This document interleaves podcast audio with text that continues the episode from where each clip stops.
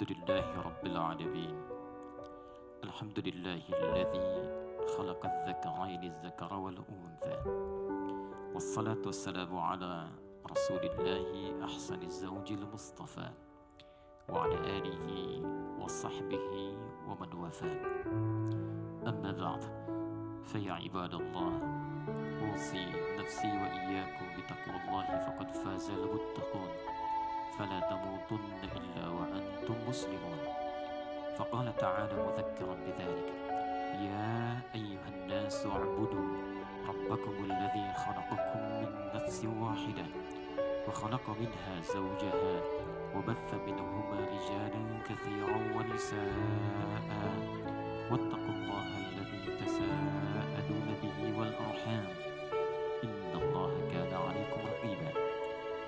رسول الله صلى الله عليه وسلم النكاح سنتي فمن رغب عن سنتي فليس مني para alim ulama, asatidah, hadirin sekalian, terkhusus keluarga besar adiknya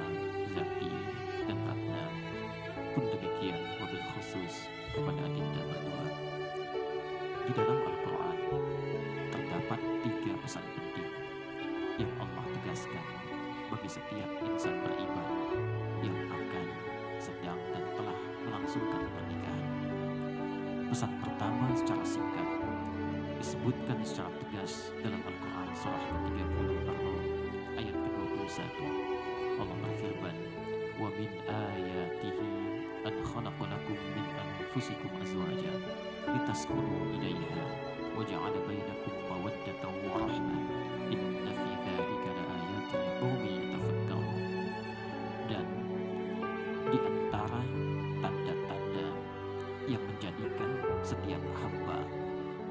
Bisa menjadi lebih dekat dengan Allah Subhanahu wa taala ialah diciptakannya satu pasangan dari jenis manusia sendiri untuk dinikahkan. Hadirin sekalian, Adinda Zaki dan Ratna, kata ayat dalam diksi Al-Quran tidaklah disebutkan kecuali menunjuk satu tanda yang harus mampu menjadikan setiap hamba semakin dekat dengan Allah Subhanahu wa taala. Bahkan seluruh firman dalam Al-Qur'an sendiri dinamakan dengan ayat Al-Baqarah 286 ayat, Ali Imran 200 ayat, demikian seterusnya disebut dengan ayat karena setiap kali kita berinteraksi dengan Al-Qur'an, membaca, memahami, bahkan sekedar mendengarnya, terbentuklah kemudian kedekatan kita dengan Allah Subhanahu wa taala. Quran surah ke-8 Al-Anfal ayat yang kedua. Innamal mu'minuna idza dzukirallahu wajilat qulubuhum wa idza tuliyat alaihim ayatuhu zadatuhum imana wa ala rabbihim yatawakkalun. Sungguh orang mukmin yang sejati itu jika disebutkan nama Allah ada getaran dalam jiwanya dan jika diperdengarkan kepadanya ayat-ayat Allah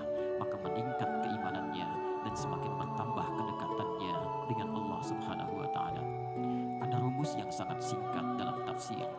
Jika disampaikan informasi dalam Al-Qur'an dan dibuka tegas langsung dengan lafaz ayat, maka informasi dimaksud bukan sekedar ingin mengabarkan sebuah peristiwa ataupun ketentuan yang disampaikan oleh Allah, tapi sekaligus ditujukan membangun kedekatan dengan Allah Subhanahu wa. Ayat pernikahan dibuka oleh Allah langsung dengan diksi ayat seakan-akan ingin menegaskan bahwa tujuan utama puncak dari akad, puncak dari nikah itu tiada lain untuk membangun kedekatan dengan Allah Subhanahu wa taala.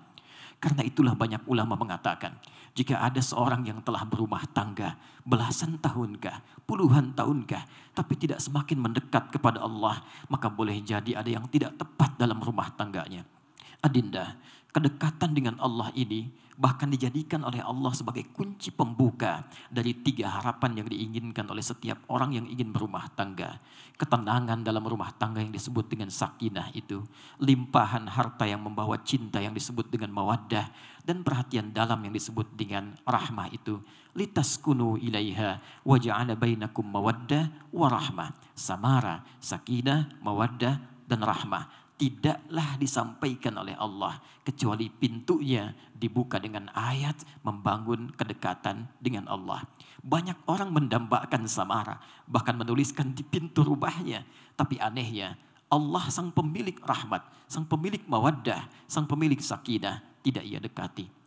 Karena itulah membentang limpahan ayat dalam Al-Quran yang langsung memberikan janji kepada setiap insan beriman. Ketika Anda mampu meningkatkan ibadah, takwa kepada Allah, maka akan diringankan, bahkan diberikan limpahan segala kenikmatan, khususnya dalam rumah tangganya. Quran surah ke-65, di akhir ayat kedua, di awal ayat ketiga.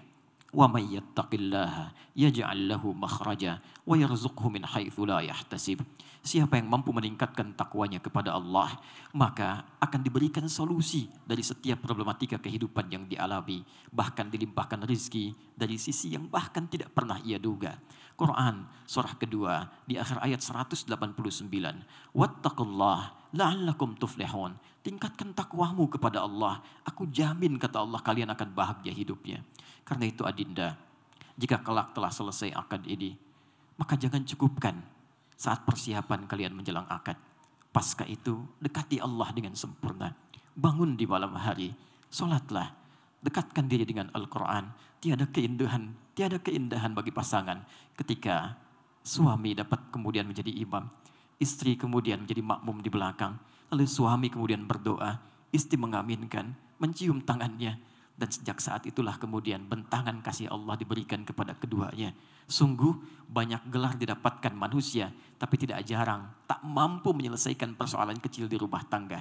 Tapi banyak persoalan besar yang justru dientaskan dalam hempasan sejadah. Untuk itulah setelah ini, sekali lagi dekati Allah, tingkatkan ketakwaan, dan pesan Al-Quran tegas. Dengan itu akan dilimpahkan samara yang diidamkan. Kedua, secara cepat ada pesan tegas dalam Quran surah keempat An-Nisa di ayat ke-19. Allah saking tegasnya meminta setiap insan beriman mempertaruhkan imannya untuk menyampaikan dan mengimplementasikan pesan-pesan ayat ini. Ya ayyuhalladzina amanu. Hei seluruh orang beriman tanpa kecuali. Bahkan dalam ilmu nahu huruf ya, munada disebutkan 361 kali dalam Al-Quran. Huruf nida tidak digunakan kecuali untuk memanggil yang dekat, jauh, dan menengah. Ada 14 huruf yang digunakan dalam ilmu dahu. Tapi di Al-Quran seluruhnya hanya untuk ya. Seakan Allah ingin mengatakan, hei semua pemilik iman, laki-laki, perempuan, dekat, menengah, ataupun jauh. Ayyuha disebutkan 150 kali dalam Al-Quran. Ayyunya munada, haknya tanbih aku tegaskan, tanbih aku ingatkan. La yahillu lakum an tarithun nisa'a karha. Tidak dibenarkan bagi setiap pasangan yang beriman. Kalau memang dia punya iman, baik itu suami ataupun istri, untuk mewariskan sifat-sifat yang tidak baik setelah mereka berumah tangga. Adinda Zaki dan Ratna. Ayat ini seakan ingin menyiapkan pesan kepada setiap yang telah berumah tangga bahwa manusia diciptakan tidak ada yang sempurna. Bahkan manusia dari lima nama yang disebutkan di Al-Quran disebut dengan insan. 65 kali disebutkan dalam Al-Quran. Ibnu Manzur meriwayatkan sebuah hadis dari Ibnu Abbas radhiyallahu taala anhuba yang mengatakan asal mula kata insan. Summiyal insanu insanan. Innama ohida ilaihi fanasia. Manusia itu disebut dengan insan. Kenapa? Ada kaitan dengan kata nisyan yaitu lupa. Karena sering kali ketika komitmen dengan Allah dibangun, sering kali lupa. Sedangkan kata nisyan terambil dari kata nasya. Di dalam Al-Quran sering dipasangkan dengan kata akhto'a yang berarti salah. Quran surah kedua Al-Baqarah di penghujung ayatnya 286. Rabbana la tu'akhidna inna sida au akhtana. Ya Allah, jangan hukum kami kalau memang dalam kehidupan kami pernah lupa yang dengan lupa ini kami berbuat salah. Boleh jadi di rumah tangga nanti apa yang dilihat oleh Zaki selama ini pada diri Ratna tidak sesempurna itu, tidak seideal itu. Pun demikian dari Ratna kepada Zaki, tidak demikian yang mungkin banyak harapan terpumpung. Karena itu pesan Quran sederhana.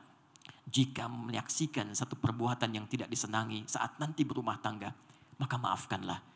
Boleh jadi di balik peristiwa itu ada hikmah besar yang ingin Allah berikan untuk melengkapi rumah tangga kalian berdua. Sebagai bagian penutup dari pesan kedua ini, Nabi itu ahli surga turun Al-Kautsar yang menjamin surganya sebelum beliau bahkan wafat. Namun pernah terjadi dalam rumah tangga. Satu kali Sayyidah Aisyah lupa bahwa dalam puasa Nabi beliau kemudian menghidangkan makanan. Baru sadar ketika itu Nabi datang, apa yang terjadi? Nabi tidak menegur beliau, tidak menyalahkannya, tapi membisikkan di telinganya dengan kalimat indah, sayang, tahukah engkau, hari ini aku berbuka, mari kita makan bersama. Sisi lain, pernah terjadi ketika Nabi tidak puasa, ternyata tidak ada stok makanan di dapurnya. Sayyidah Aisyah kemudian mohon ampun kepada Allah, merasa gelisah dan takut tak mampu melayani Nabi. Tapi apa yang terjadi? Nabi datang membisikkan di telinganya dan mengatakan, sayang, tahukah engkau, hari ini aku puasa. Hari ini aku puasa. Anda bayangkan, Nabi, Rasul dekat dengan Allah dijamin surga dalam rangka berumah tangga masih berkesempatan memuliakan istrinya dan membangun kebaikan-kebaikan untuk menyempurnakan rumah tangganya. Anda bukan nabi, Anda bukan rasul. Sehebat apa kita harus kemudian mengeksplorasi kekurangan pasangan kita, menjadikan mereka seakan-akan jauh dari kesempurnaan. Karena itulah bertakwalah kepada Allah Subhanahu wa taala dan saling menyayangi itu penting ketika berumah tangga. Terakhir sebagai penutup khutbah singkat ini, Quran surah ke-17 ayat 23. Allah berpesan dengan tegas. Wa qadha rabbuka alla ta'budu illa iyyah wa bil walidaini ihsana. Dan Rabbu telah menetapkan yang tidak bisa diganggu gugat. Agar semua insan menyembah Allah dengan sempurna hanya pada Allah saja. Dan setelah itu puncakkan baktimu kepada kedua orang tuamu. Adinda Zaki dan Ratna. Nikah secara fikih disebut dengan nikah bukan hanya memperkenankan dua insan untuk melakukan hubungan seksual pasca akad. Tapi nikah dalam diksi bahasa Arab juga kata yang memiliki dua makna yang bertentangan secara langsung. Ia bisa merekatkan sesuatu yang renggang sekaligus merenggangkan sesuatu yang rekat. Dengan nikah ini hubungan yang tadinya renggang, Zaki dan Ratna semakin dekat Bahkan saking dekatnya mahram bil musaharah. Zaki bisa menyentuh ibunda mertua. Ratna pun demikian pada ayah mertua. Tapi jangan lupa, nikah bisa merenggangkan sesuatu yang rekat. Karena saat yang bersamaan setelah akad berlangsung, hubungan dengan orang tua yang semula mungkin rekat, boleh jadi akan merenggang dengan berpisahnya kalian dalam rumah tangga ini. Karena itulah Allah berpesan, sekalipun telah menikah, jangan lupakan kedua orang tua mereka yang telah sulit memberikan bakti, memberikan perhatian puncak kepada kalian berdua. Mohon maaf, Zaki dikandung 9 bulan 10 hari, dirawat baik-baik, disayang oleh ayah dan ibu. Namun baru dapat sesuatu untuk diberi, sekarang harus diberikan pada orang yang baru dikenalnya. Ratna demikian, dirawat, disayang-sayang, diberikan puncaknya. Bahkan untuk kegiatan pagi ini saja, siapa yang tidak tidur lelah? Siapa yang menyiapkan makanan? Siapa yang mengundang seluruh undangan? Siapa yang maksimalkan itu semua? Tidak ada yang lain kecuali orang tua yang tidak meminta sedikit pun materi kepada kalian berdua. Kecuali senyuman, kecuali sapaan, kecuali bakti, kecuali doa. Karena itu semua ini hanya formalitas. Setelah kalian selesai, datangi kedua orang tua. Minta doanya, minta restunya, minta maaf dengan sebenar-benarnya.